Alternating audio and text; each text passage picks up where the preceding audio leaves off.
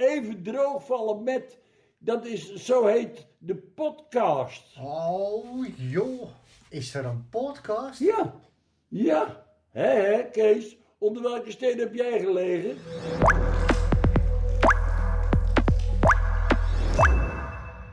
Welkom bij weer een nieuwe aflevering van de podcast Even droog vallen met. Mijn naam is Roos Zwart en samen met mijn collega Thomas van Schie vallen we vandaag even droog met Frans Veenstra. Frans is ooit begonnen als maritiem officier.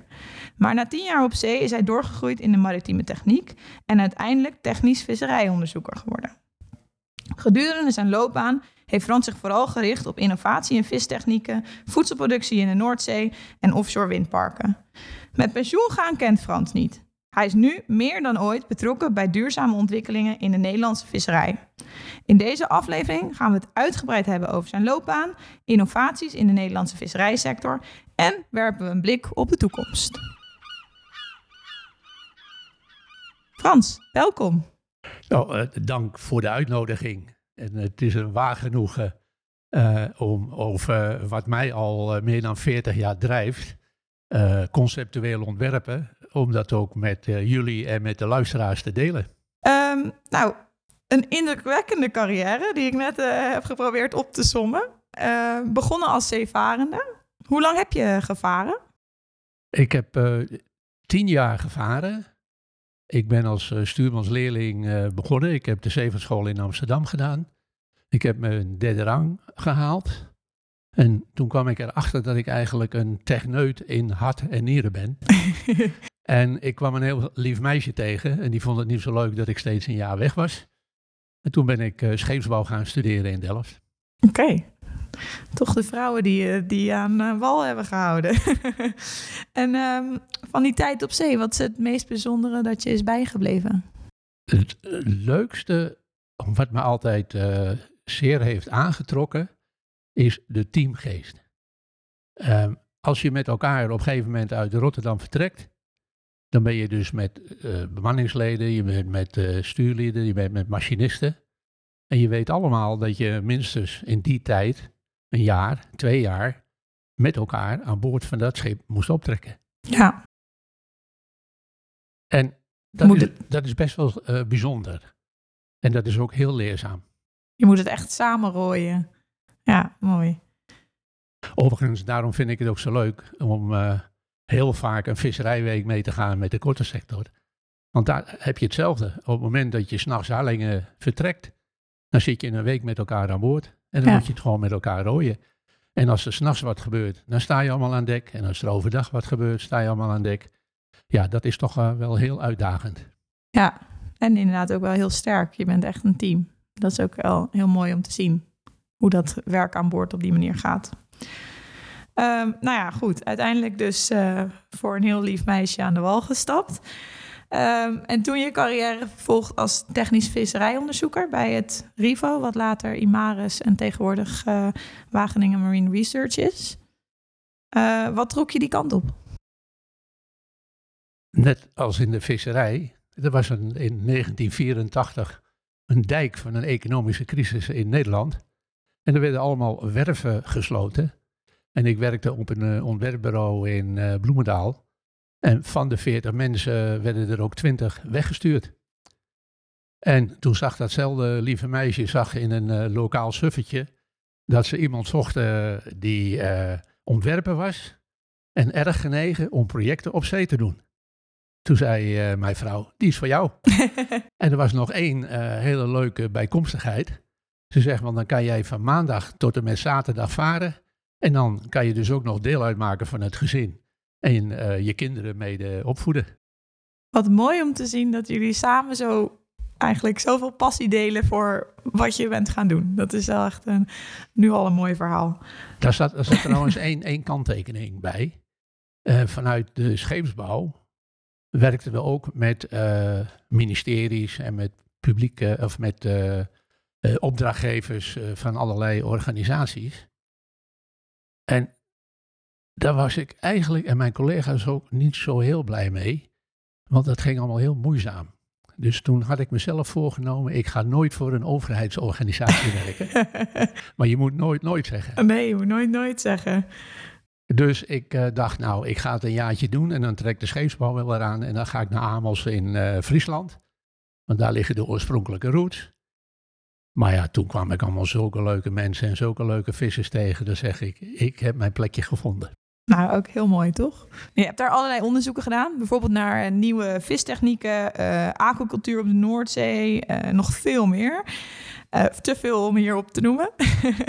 maar wat behoort voor jou nou tot een hoogtepunt? Wat is het mooiste onderzoek waar je aan... eh, Het mooiste onderzoek is wat eh, met mijn oorspronkelijke vakgebied te maken heeft. En dat is het eh, conceptueel ontwerpen, dat is het herontwerpen van de bestaande boomkorkottes. Want in de 70 jaren is een heel nieuw basisconcept ontwikkeld. Ja? En eh, ik ben ook aangenomen om vanaf 1984 mij wat meer te richten ook op allerlei ontwerpaspecten van de kortes. Ah. Nou, en een, ontzettend mooi project wat we daar gedaan hebben.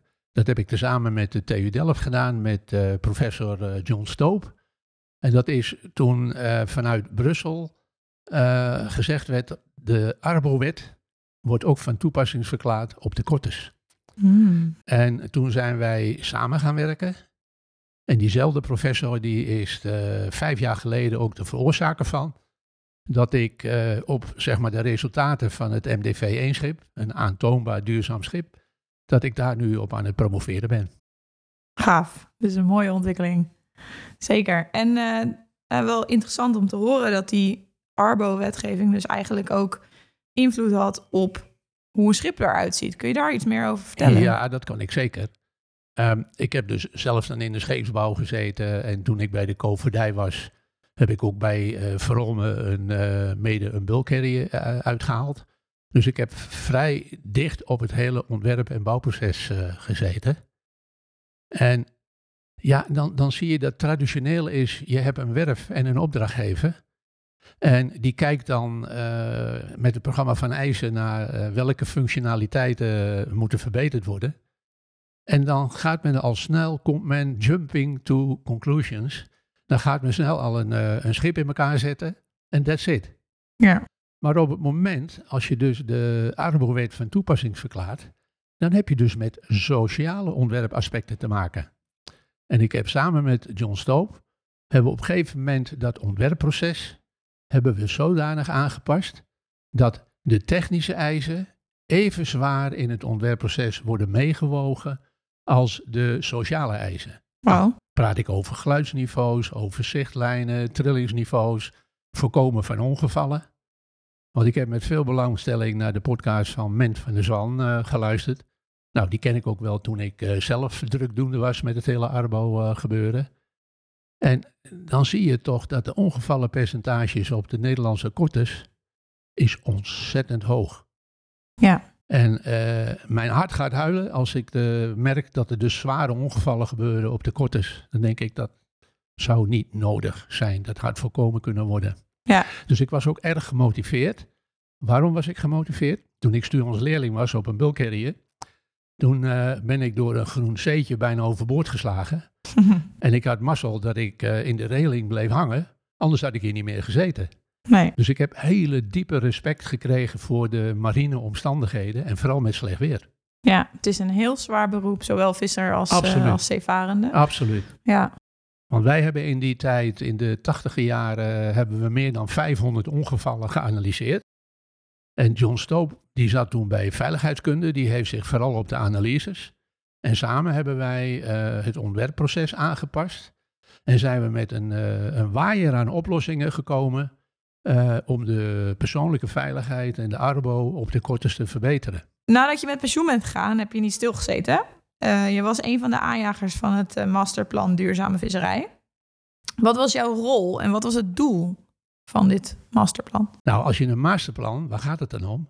Dan gaat het over wat en wanneer en hoe en wat zijn de beoogde resultaten en waar ga je dat doen? Nou, mijn rol was, eh, omdat ik dus mede-ontwerper ben en mede-projectleider van de Korte 2000 projecten, veiligheidsgeïntegreerd eh, ontwerpen van de Kortes, ben ik door de stichting MDV, eh, toen ik met pensioen ging, gevraagd, wil je ons niet ondersteunen als MDV innovatiemanager? En wat houdt dat in? Mijn rol was om eh, innovaties aan te jagen. Innovaties die je dus gaat toepassen in het bestek en in de bouw van het schip. Om die te bewaken. Om de doelen die je met elkaar had afgesproken, om die te realiseren. Maar er is nog één aspect wat ik nog veel leuker vond.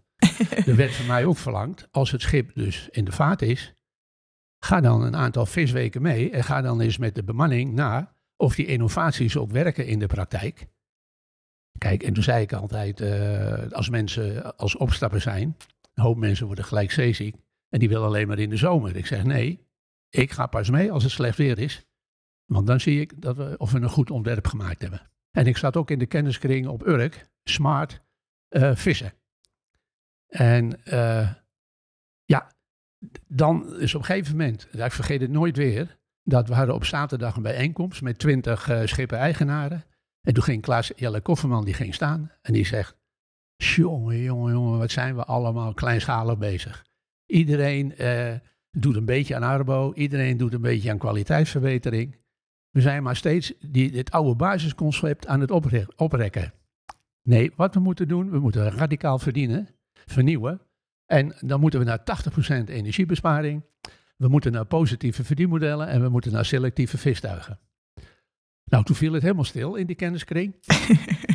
en ik ben als eerste gaan staan. Ik zeg, Klaas Jelle, ik doe mee. Je hebt helemaal gelijk. Kees Staal die zei ook, ik doe ook mee. En Auke Hoefnagel, die was de voorzitter eh, van, van Flint, die zei, ik doe ook mee. En eh, zo is het begonnen.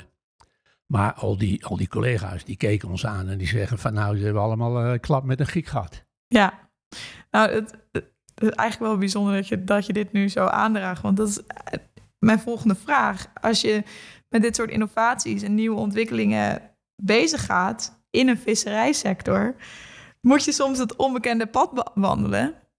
En er zijn best wel veel uh, mensen die dat vinden dat heel moeilijk. Je, je hoofd boven het maaiveld uitsteken noemen ze het ook wel. Dat is niet iets wat visserij eigen is. Um, hoe ga jij daarmee om? Hoe... Ja, dat, is, uh, dat, is, nou, dat vind ik een, uh, een uitdaging. Op uh, Urk had ik op een gegeven moment al gauw de naam van als Frans met innovaties komt, dan loopt hij met drie innovaties voor op de sector. We duwen hem twee, met twee terug. En dan roep ik, nou, dan gaan we er eentje vooruit. Maar wil je dus innovaties laten landen, dan, dan moet je draagvlak creëren en behouden. En dat betekent gewoon communiceren.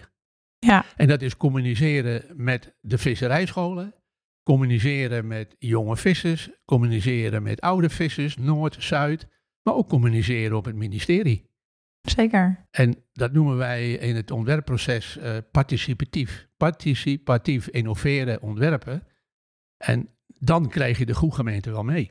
Ja, en dan ook een beetje eigenaarschap, denk ik. Dat ze het gevoel hebben dat ze meedoen eraan. En dat ze er dus ook uh, ja, zelf onderdeel zijn. Ja. Dan ja. ga je het ook eerder ja. dat draagvlak uit. Uh... Wij, wij ontwerpen zeggen altijd van je, je moet probleemgericht innoveren en probleemgericht uh, ontwerpen. En dan moet je dus alle direct betrokkenen die moet je er ook uh, bij halen.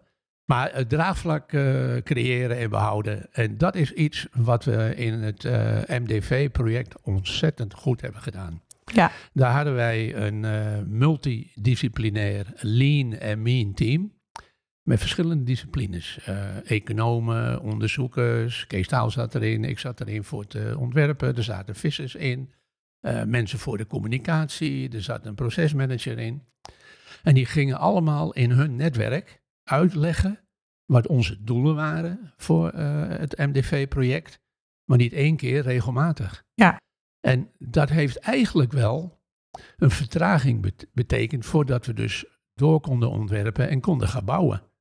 Dat was wel een beetje jammer. Ja. Maar aan de andere kant was het gewoon ontzettend nodig. Helemaal als je het vergelijkt met de introductie van de pulsvisserij. Ja, want dan krijg je eigenlijk aan het einde weer ja, de klap. We gaan het ook uh, zo meteen denk ik nog over de puls hebben. Op dit moment ben je aan het promoveren. Kun je hier iets over vertellen? Ja, dat is iets waar je, dat zoek je niet op. Daar word je toe uitgedaagd. En uh, toen het, uh, de MDV-1 uh, in de vaart was gebracht in 2015. En in 2016 het schip van het jaar was geworden voor de Nederlandse scheepsbouwgroep met het meest duurzame schip ontworpen en gebouwd in eh, Nederland. Toen heb ik heel veel lezingen gegeven. En ik gaf een keer een lezing in Vlaardingen. En daar zat mijn oude maat John Stoop. Die zat in de zaal. En die kwam na afloop naar me toe. En hij zei, eh, waarom ga je er niet op promoveren? Nou, toen begon ik keihard te lachen. ik zeg, nou ja, niemand zit te wachten op een eh 70-plusser. Hij zegt, nee, ik ben hartstikke serieus. Jij hebt inmiddels zoveel ervaring. Jij zit al eh, bijna 50 jaar in de maritieme wereld. Het is goed dat je dat allemaal keurig opschrijft. Want dan kan een jonge generatie, die kan er ook zijn voordeel mee doen. Ja. Nou, toen zijn we naar de TU Delft gegaan, eh, bij de vakgroep Scheepsbouw. En daar zat professor, eh, of zit daar nog, Hans Hopman. En die zei, zo, dat is interessant. Maar ja, jij hebt altijd toegepast onderzoek gedaan, toegepast wetenschappelijk onderzoek. Wij, fundamenteel wetenschappers, dat is wel even wat anders. Dus ga jij eerst maar een paar papers schrijven en als je die geplaatst krijgt, eh, nou, kom dan maar weer terug. Nou, ik had binnen een jaar had ik drie papers wereldwijd eh, ingediend en eh, geaccepteerd. Dus toen zei ik van, nou, hier ben ik. Ik zeg nog een paar papers erbij, een nietje erdoor en mijn proefschrift is klaar. Ja. ben je was er al bijna. Nou, dat was even te kort door de bocht. Oh. Want de wetenschappelijke modus is toch wel even anders. En toen zaten we daarover te discussiëren. En wat mij toen opviel, en dat vond ik wel heel bedroevend. Door alle bezuinigingen van eh, af 2000 zijn er dus heel veel vakgroepen, heel veel studiegroepen, heel veel faculteiten. Daar is zoveel bezuinigd. En bij scheepsbouw deed men niks meer aan werkschepen, laat staan aan vissersvaartuigen. En men werkte meer eigenlijk voor grote reders en voor de marine. En er was ook geen enkele feeling met MKB-bedrijven. Oké. Nou, toen zei professor Hans Hopman tegen mij van, jij hebt jaren over Wageningen gewerkt. Misschien is het verstandig om daar eens te gaan praten. Nou, dat vond ik eh, heel plausibel.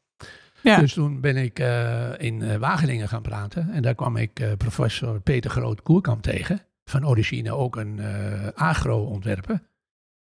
En nou, die was wel geïnteresseerd van wat ik had gedaan en in mijn visie. Die zegt van, jij mag wel bij ons komen promoveren. Nou, toen ben ik overgestapt van Delft naar Wageningen. Maar de professoren van Delft zijn nog wel co-promotoren.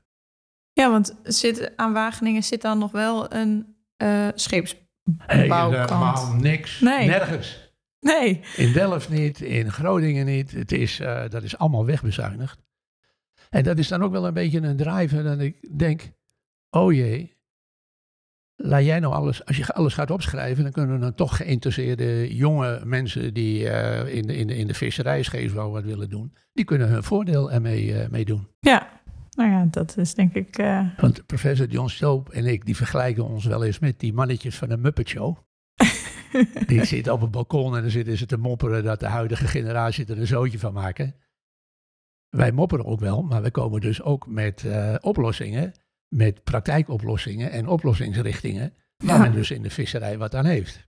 Dus dat is wel een, een doel van, je, van het promoveren, is voor jou ook dat, het, dat de toekomstige generaties gewoon weer verder kunnen met die duurzame Abs- schepen. absoluut. Als ik zie eh, hoeveel reacties ik krijg op mijn papers en de artikelen. In visserijnieuws heb ik altijd verhalen in eh, internationale vakbladen, vakbladen. Ik krijg er ontzettend veel respons op. En ik ben altijd bereid eh, om toelichting te geven. En eh, ja, nu op Urk noemen ze mij de MDV eh innovatiedominee. nou, dat vind ik inmiddels een geuzennaam. Ja, dat snap ik al. Ik ken wel een leuk verhaal, want eh, nadat de MDV 1 in de vaart is gekomen, ging ik dus twee keer per jaar ging ik een visweek mee. Nou, en dan zei op een gegeven moment, oh, oh, dan heb je die dominee ook weer. Ik zeg, dat is een heel verschil met de dominee waar jullie op zondag twee keer naar de kerk gaan. Die zijn jullie op maandag vergeten. Maar ik ben er maandag, dinsdag, woensdag, donderdag en vrijdag. Ik sta elke dag tegen jullie te prediken. Hè? Dan, eh, Ja, maar dat gaat heel, dat gaat, dat gaat heel organisch. Ik, ik, ik, ik ben ook gewoon als oud zeeman. Ik vind het zo leuk om schouder aan schouder met hun mee te werken. En ondertussen sta je over allerlei innovaties te praten. Maar ik denk ook wel dat dat de reden is dat ze naar je luisteren. En, want, je, want je doet mee. Je staat naast ze. En dat is heel belangrijk in de visserij. Dat het duidelijk is dat En- je En ja, weet, samen kan doen. men kent mij. En men kent ook de oude groep van technisch onderzoek. ja, als wij dus met innovaties komen, met voorstellen komen, dan gaat het ergens over. En er gaan natuurlijk ook innovaties die worden niet geaccepteerd. Maar heel veel die worden gewoon eh, toegepast op de, op de schepen. Dus Ja. dat, is ook, dat is ook wel leuk. Ik hoor ook eh, de mensen van de visserijwerven in eh, Nederland. eh, Klaas Hoekman, Leon Patmos, Maaskant. Die zeggen ook, laat Frans dan maar zijn gang gaan. Die, die geeft een beetje de weg aan waar wij in de praktijk ook naartoe moeten gaan ontwerpen. Nou, dan heb ik mijn doel bereikt. Ja, Want voor mij moet niemand iets. nee. Ik probeer te ondersteunen. En waarom? Want mijn technische onderzoekgroep bestaat niet meer. Dus er is ook vanuit visserijonderzoek is niemand die zich met technische innovaties bezighoudt. Aan de andere kant kan je zeggen, ja, moet dan een paar van die oude mannen moeten dit dan doen. maar ja, zolang die gedreven zijn, zolang eh, ze niet uit eh, hun nek, weet je wel, eh, praten. Nou ja, en je hebt duidelijk bewezen in, al- in al je jaren van technisch onderzoeker dat, dat, dat je geen gebakken lucht verkoopt. Dus het is, ik denk dat het heel goed is dat het eh, nog Ja. steeds gaande. Ik denk wel dat het belangrijk is, ook voor jouw eh, gemoedstoestand en eh, rust, dat er misschien iemand een keer komt die met je mee wil doen en het over kan nemen van de jongere generatie. nou, maar, Ik heb gastcolleges gegeven in Rotterdam en in Delft. En er komen heel veel ouderjaars studenten op me af. Die vragen, mag ik bij u afstuderen? Want wat u ons hier vertelt, dat leren wij niet bij ons in de opleiding. nee. Ik zeg, nou, daar begin ik niet aan. Ik, eh, ik ga verder geen, ik hoef geen afstudeerders te hebben. Ik zeg, ik schrijf het wel allemaal op en dan kan je daarmee eh, voordeel doen. Lees het maar. En eh, zeg maar tegen je docenten, ik kom wel een keer een gastcollege geven. En dan, dan kunnen jullie het zelf ook wel oppakken. Ja, Maar ik moet er ook even bij zeggen, als je kijkt wat voor jonge generatie ook bij eh, Patmos op de tekenkamer zit. En ook bij Maaskant en ook bij Hoekman en ook in Den Helder. Nou, dat zijn hele gretige eh, jonge mensen die eh, dit stokje echt wil overnemen. nou dat is goed om te horen. Ja, want je, je ziet wel echt dat er opvolging straks is. Eh, eh, eh, moet. Het moet gewoon, als je de uitdaging eh, ziet en dan komen we op duurzaamheid. Exact. duurzaamheid is niet meer alleen decarbonisatie. Duurzaamheid heeft ook te maken met de hele circulaire economische gebeuren. Hergebruik van grondstoffen. Eh, voedselverspilling tegengaan. En dat is de kanttekening die ik dus nog naar de werven heb. Ze zijn ontzettend goed bezig met korte termijn energiearme, energiebesparende technieken. Maar om weer op het punt van Arbo uit te komen, daar hoor ik nog niemand over. Eh, circulaire economie hoor ik nog niemand over. Maar ja, dat staat ook eh, te duwen hoor. Dat komt er gewoon aan. En dan ben ik als conceptueel ontwerper, dan denk ik, nou, als je toch een voorontwerp moet maken, bekijk het dan van verschillende invalshoeken en neem dit dan mee. En zo is triple zero ontstaan. Dat is het ultieme doel. Zero emissie, zero afval en zero voedselverspilling. Goed, ik, ehm, ben, ik ga de straat op en ik ga een lijntje uitgooien. Ik heb een foto bij me van een, eh, Nederlandse kotter, vrij eh, standaard Nederlandse kotter, hoe die er nu uitziet. En ik ga aan de mensen op straat vragen eh, wat zij vinden dat er moet verduurzamen. Wat zij denken dat er moet verduurzamen, verduurzaamd moet worden aan de kotter. Komt het fragmentje? dat die jongens het niet makkelijk hebben met, met alle reglementen van, van quota en, en, waar ze aan moeten voldoen. En meer, eh, hoe noemen ze dat ook alweer, dat, eh, dat eh, speciale Oh ja, sonarvissen. sonarvissen, ja, zoiets, de pijlvissen, pulsvissen. pulsvissen. Pulsvis. Eh, dat mag niet meer, dat mag niet meer. Beetje vergelijkbaar met wat de boeren hebben. Dat hebben ze eh, op het water ook. eh, de reglementen, daar word je helemaal gaga van. En, dan, eh, en dan hebben ze met reglementen te maken in dit gebied. En dan de Engelsen hebben dan weer andere vrijheden. Terwijl de oceaan is, ja, dat is. Ehm, ik denk minder bijvangst kan je, kan je innoveren. Eh, misschien schone varen, niet op diesel. Ehm, ja, dat soort dingen. Meer uit een, eh, een vaarbeweging halen. Dus dat je minder de zee op hoeft om, meer, om de juiste vangst te halen. Ehm, en ik denk dat het gewoon heel lastig is. Want ja, er zit maar een beperkt aantal vissen in de zee. Dus ja, dat, eh, uiteindelijk zijn ze een keer op dan. Ja. Nou, ik zou in ieder geval eh, de brandstof vervangen. Dat is een heel vervuilend, eh, vervuilend iets. En je zou misschien kunnen denken aan eh, zonne-energie, ja, windenergie, waterstof, ja. Misschien ja, iets met, met batterijen, maar dat, dat weet ik niet. Want je hebt heel veel grondstoffen nodig om tot een, een batterij te komen. Eh, en wat, waar laat je dan eh, de afvalstoffen als de batterijen, eh, ja, als de batterijen op zijn, op welke hoop komt het dan? Dus dat denk ik. Vooral de brandstof zouden jullie aanpassen. Ja, brandstof en ja, over, overvangtechnieken en zo, daar weten we helemaal niks. Nee, van. ja, je hebt van die pulsvisserij, Ja. maar En- daar weet ik te weinig van. Ja, en dat ze met van die netten over Ja. de bodem schrapen en dat het hele leven op bodemleven in de war geschopt wordt. Maar dat, dat weet ik voor de rest niet. Minder bijvangst sowieso. De bijvangst, oké. Ja, ik heb in ieder geval wel veel al gehoord dat de netten vaak ehm, eh, achtergelaten worden. In ieder geval dat er heel veel netten in de zee zitten. En ja, misschien een andere manier om ze op te vangen in plaats van netten. In ieder geval een andere manier om niet ook nog vissen en andere dieren erin vast te laten, laten zitten, zeg maar. Maar ja, again, ik weet echt heel weinig van vissen. En ze zeiden dat het eh, slecht was voor het milieu, maar het blijkt dus dat het eh Ja, vissen überhaupt is slecht voor het milieu. Eigenlijk. Het verstoort wel de grond. Als je met die netten Ja, eroverheen gaat. Dat wel. eh En gewoon heel veel vissoorten zijn nu ook al. eh, Ja, net zoals wat de boeren nu moeten eh, inknippen, moet dat misschien bij vissen zo. Oké, nou dat was het fragment.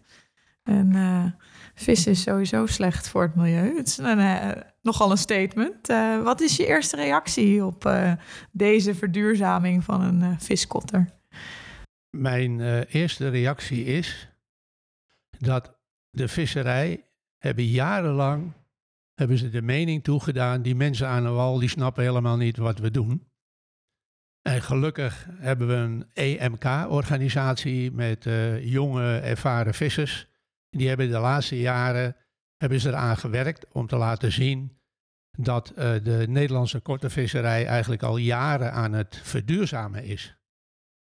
Maar het probleem is, ik bedoel, je kan geen krant openslaan.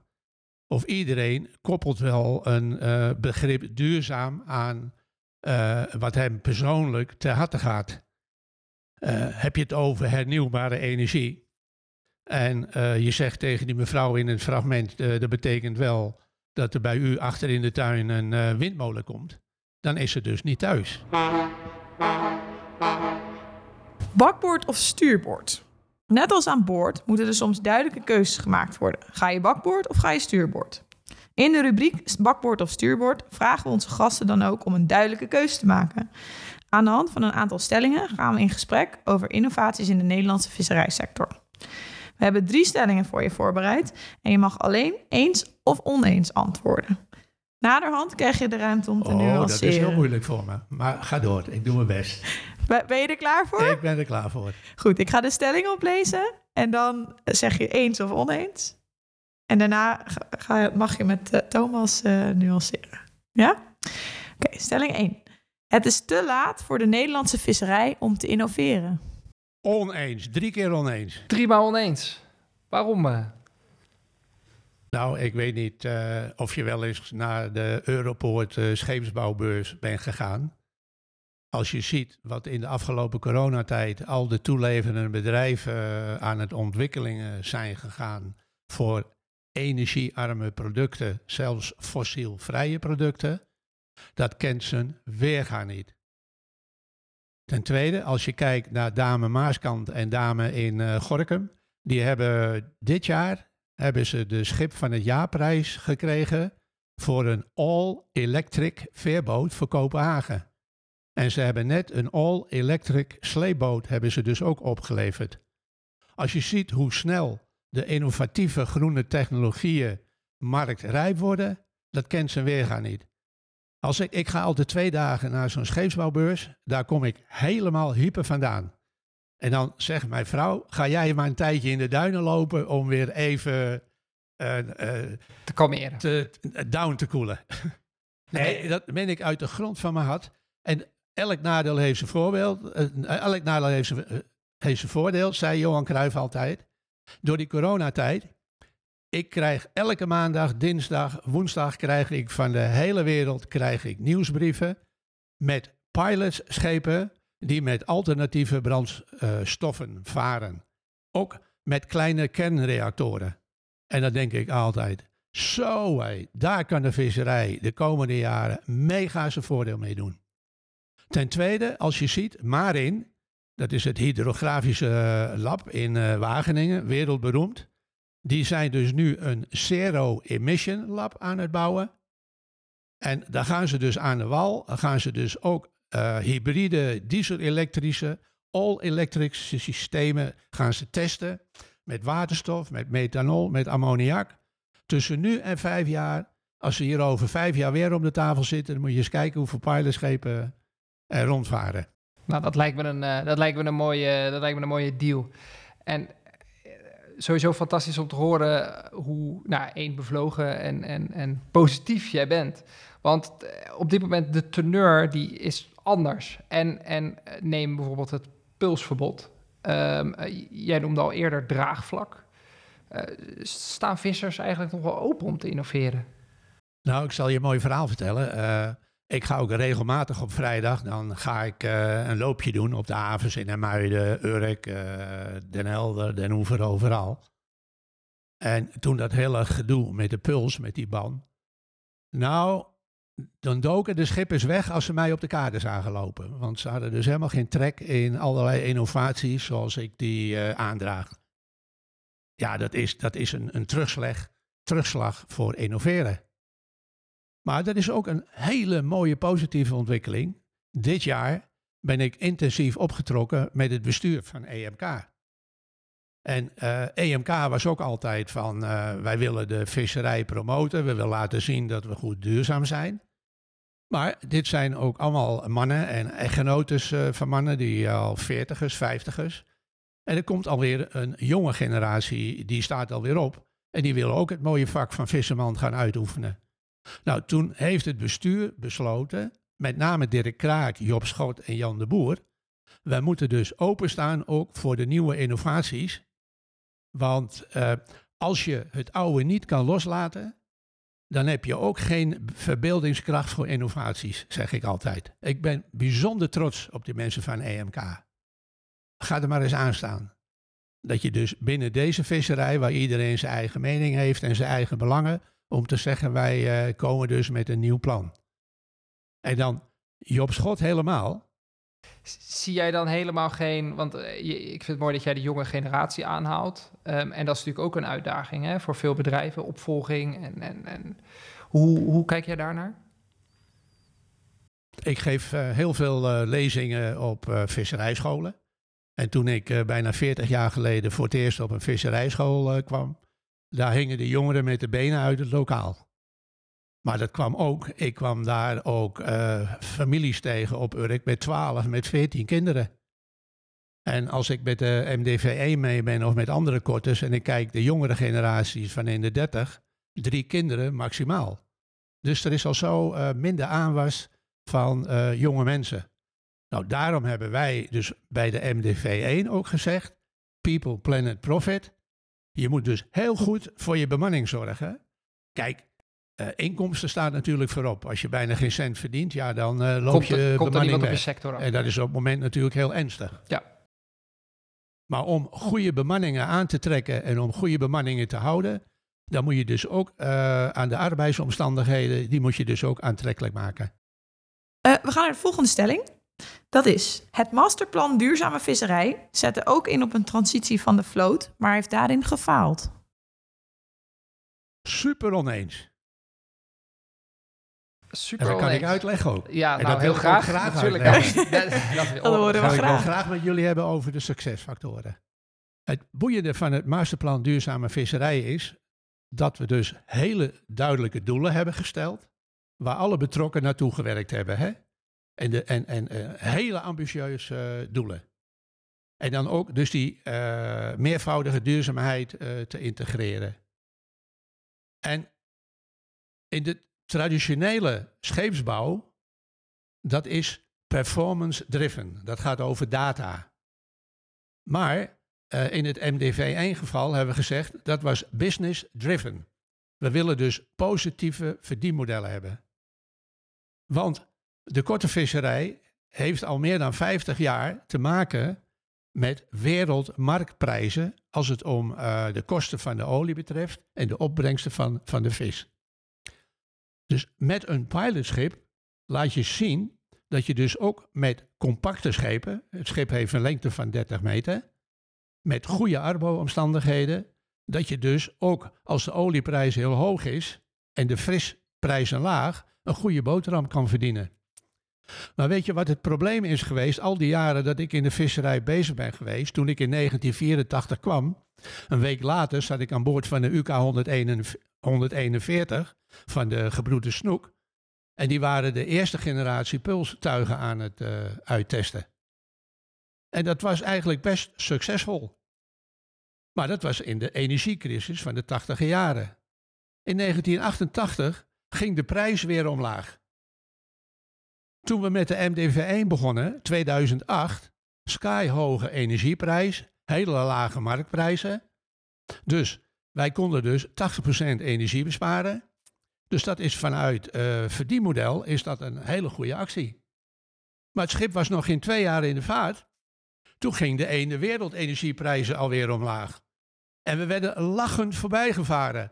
Jongens, jongens, wat hebben jullie moeilijk gedaan? Wij verdienen toch ook een goede boterham. Maar ik hoef jullie niet uit te leggen wat we dus met de huidige energiecrisis te maken hebben. Ik zie in de komende tien jaar niet gebeuren dat die energieprijs weer onder de 40 eurocent per liter terechtkomt. Nu staat hij op 1,10 euro. Hoeveel korters liggen er voor de kant? Ja, heel veel. Veel. Sarah Verroem kennen jullie ook wel. Sarah Verroem kennen jullie ook wel. Die, ja. laatst ook eens een, uh, die werkt ook met heel veel jongeren. En die heeft ook gezegd, de visserij moet dus ophouden met zich slachtoffer voelen. Uh, ze moeten de tijdgeest moeten ze begrijpen. Dus dit is het moment om te gaan innoveren. Ja. Uh, toen in de zestiger jaren heeft Joop den Uyl de industriële mijnbouw in uh, Limburg gesloten. Toen ik scheepsbouw studeerde, werd Verolmen gesloten. Want de overheid had geen zin meer om daar geld op toe te leggen. Op een gegeven moment heeft Wim Kok onze eigen vliegtuigbouwindustrie gesloten. Want dat wilden ze ook niet meer subsidiëren. Nou, met de industriële veehouderij en ook met de korte visserij met hele zware boomkortuigen dat is niet meer in deze tijdgeest. Dus als je het oude niet kan loslaten, dan, uh, ja, dan, dan, dan, dan kan je dus ook niet iets nieuws verzinnen, iets creatiefs nieuws verzinnen, om op een andere manier platvis te gaan vissen. En, want even voor mijn beeldvorming nu, hè, hoe, hoe, hoe doet de MDV het in deze tijd? De MDV, uh, omdat die, nou ja, door de corona, uh, dat die visprijzen ook laag zijn, uh, nou, dat houdt ook niet over. Ik heb, als ik Hendrik Kramer hoor, die moet ook vreselijk zijn best doen. om ook op andere soorten te gaan vissen. Om ook het jaar rond een goed verdienmodel te hebben. Ja. Nou, het is voor iedereen is het crisis. Is het crisis. En dat heeft allemaal te maken met bodemvistuigen. Als je bodemvistuigen hebt, als je die moet slepen, dat kost energie. Ja. En want jij zegt nu ook terecht van ja, liggen er heel veel aan de kant. Zie je nu ook dat daardoor er gekeken wordt naar, nou ja, oké, okay, hoe kunnen we het veranderen? En, en, en staan dan meer mensen open voor een concept als MDV? Of willen ze, ja, hoe, hoe werkt dat? Want jij zegt, nou ja, toen de brandstofprijs laag was, toen uh, lachten nou, ze ons uit. Wij, zeg maar. wij hebben dus altijd de discussie gehad uh, toen de MDV-1, uh, toen de doelen bekend waren en toen een schip succesvol in de vaart kwam. Die zeggen, ja, maar dat is geen tongenvisser.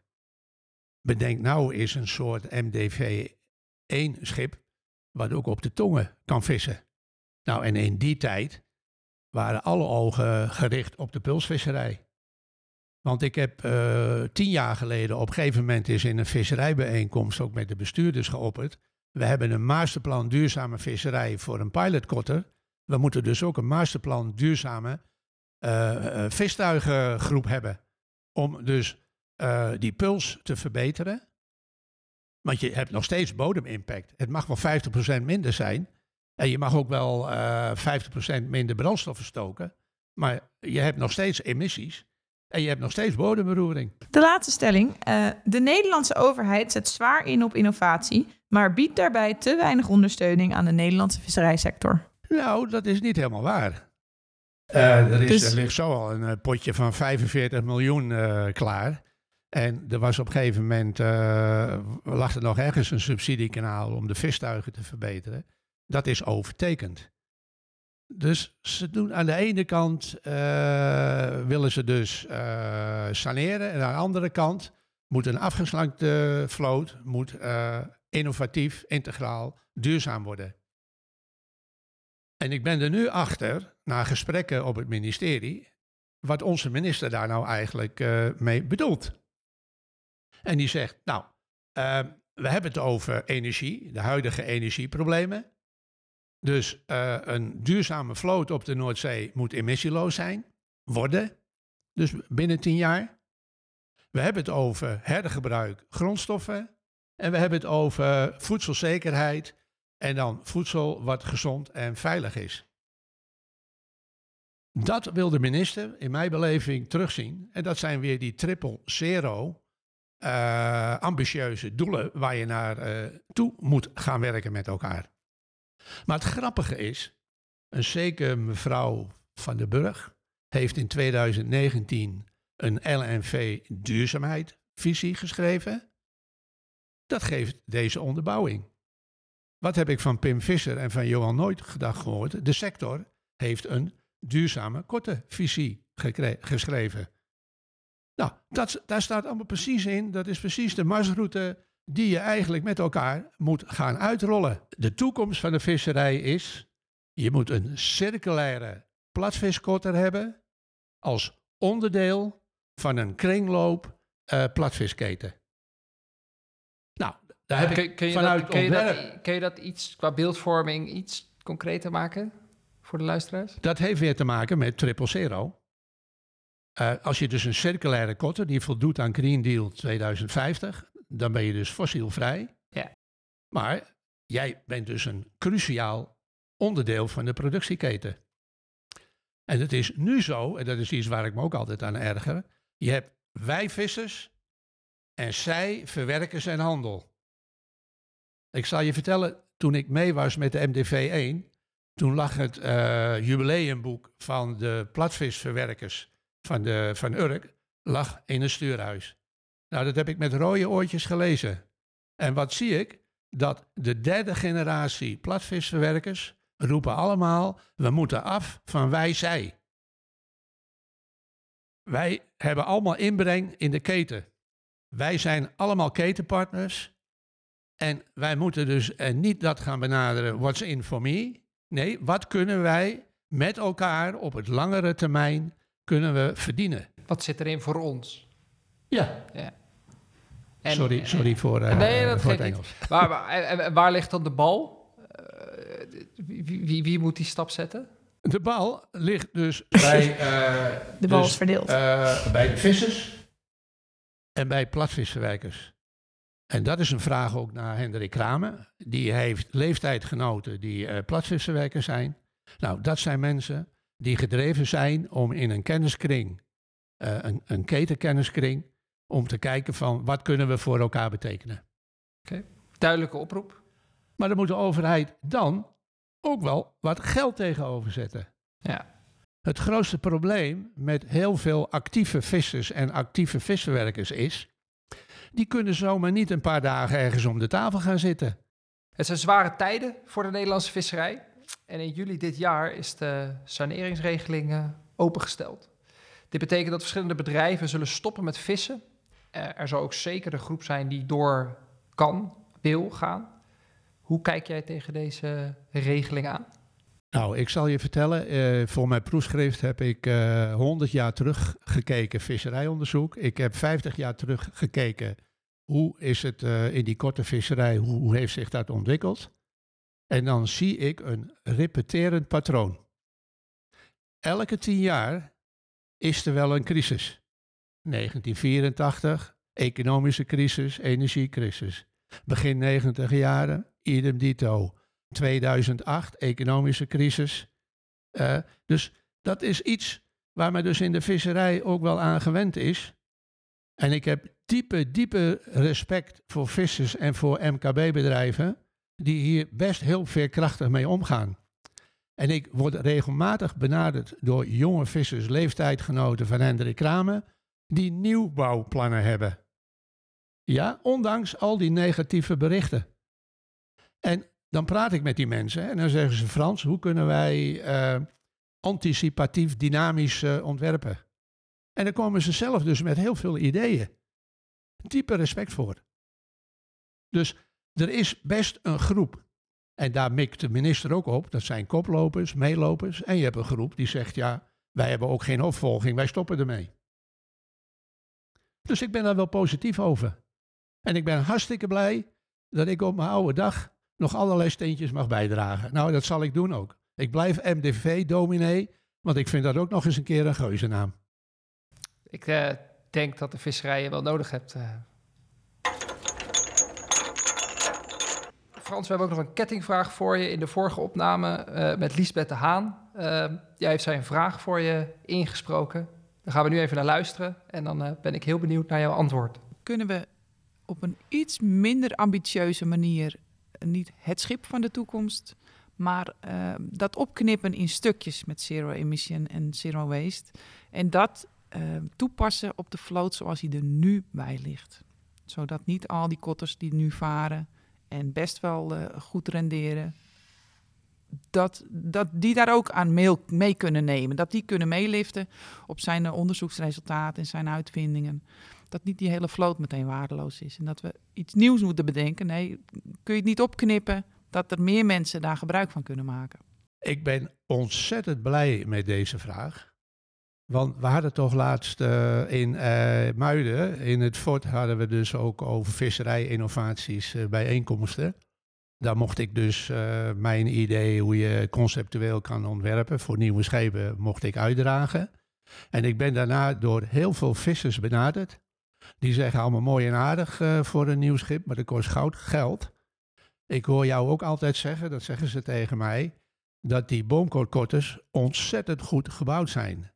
Hij zegt, wat vind je van het plan als ik mijn kotter gewoon helemaal strip en dat ook een beetje flexibel en modulair opnieuw ga inrichten en uitrusten? Ik zeg, man, ik ben helemaal je man. Daar ben ik helemaal met je eens. Want dan zijn we dus ook in het kader van de circulaire economie, zijn we dus allerlei bestaande installaties zijn we goed aan het hergebruiken. En ik vind eh, een pluim.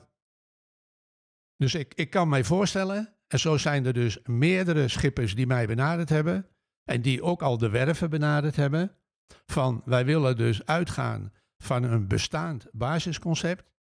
En dan willen we al die nieuwe ontwikkelingen en die ambitieuze doelen, willen we kijken of we die in de komende jaren dus ook kunnen eh, integreren.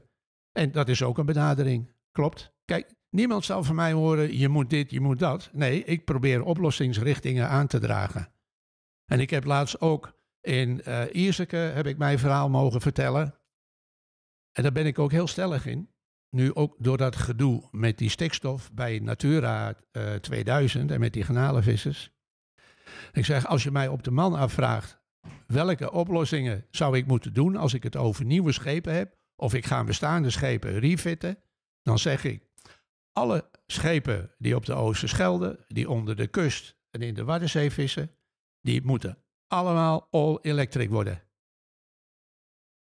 En die grote kotters die naar de Doggerbank gaan, die moeten eh, eh, de combinatie van diesel-elektrisch worden en op het langere termijn ook overschakelen op eh, de nieuwste groene technologieën. Nou, en dan kan je ook overschakelen op waterstof. En dan heb ik nog een advies voor de grote pelagische trollers. Die kunnen met de kleine nucleaire reactoren, kunnen zij ook nog tot in lengte van jaren, kunnen ze daarmee vissen. Dus de oplossingen, die zijn er gewoon. En ik weet het wel, wat kost het? Ik heb in al die onderzoekjaren geleerd, als men zegt, wat kost een innovatie?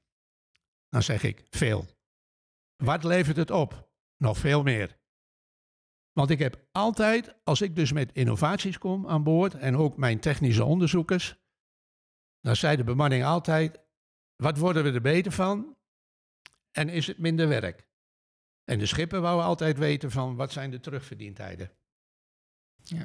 En dan heb je ook weer te maken met het korte termijn, lange termijn. Korte termijn, lange termijn. Dus eigenlijk een oproep terug aan Lisbeth van eh, neem Doen. dat schip en ga het doen. Doen. Ja, nee, helder. Mooi. Dus zal het vast... eh, Maar dan daar wel triple zero. Een hè? triple En dan zero. ook arbeidsomstandigheden. Laat Ja. ik het niet merken dat ze dat vergeten. Helder. Zou dat onderdeel kunnen worden van het Vist ik het maar? Hartstikke goed. Ja, hoe, hoe dat verder. Kijk, ik ben een conceptueel ontwerper. ik ga niet in al die details. Ik, mij gaat het erom dat andere mensen het gaan oppikken. En als ze mij als joker willen inzetten, ze nu en dan, dan kom ik gewoon opdraven. Helemaal goed. Duidelijk. Een tweede vraag over die toekomst is... eh, ja, eigenlijk ben ik op zoek naar een jaartal. Wanneer komt eh, de eerste kotter in de vaart die eh energie-neutraal kan vissen? Dat kan al volgend jaar. Ik eh, heb gesprekken gehad bij eh, Maaskant. Er zijn serieuze mosselvissers en serieuze garnalenvissers voor de Waddenzee die een all-electric kotter in de vaart willen brengen. Au. En willen of gaan ze dat ook doen? Nou ja, dat is nog een kwestie van eh, kunnen zij ook eh, iets gesubsidieerd eh, krijgen. En nou, jullie hebben dat verhaal van mij gelezen. Ik ben een keer eh, bij een jonge garnalenvisser in Den Hoeven geweest. En zijn vader en zijn oom zaten er ook bij. Nou, als ogen hadden kunnen doden, was ik al drie keer dood geweest. Want zij zaten ook met investeringen in het bedrijf. En ze hadden er helemaal geen trek in. Toen heb ik gezegd, bedankt voor de koffie. Ik heb liever dat jullie er niks mee doen, dan jullie over vijf jaar zeggen van waarom heb je ons dat niet verteld. Eh, dat brengt ons tot het einde van deze aflevering. Bedankt voor het luisteren naar eh, Even Droogvallen met Frans Veenstra. Frans, bedankt voor je tijd en je verhaal. Ik kijk uit naar alle innovatieve ideeën die er nog uit je hoge hoed mogen komen. We hopen dat jij als luisteraar dit net zo inspirerend vond als ik en Thomas. Mocht jullie nog vragen hebben voor Frans, stel ze dan vooral via info.vistikhetmaar.nl of via Facebook, Twitter en Instagram. Vond je deze aflevering interessant en wil je meer weten? Abonneer je dan op de Vist maar podcast Even droogvallen met. Dan verschijnt de volgende aflevering in je favoriete podcast app. Deze podcast werd mede mogelijk gemaakt met financiële ondersteuning van het Europees Fonds voor Maritieme Zaken en Visserij.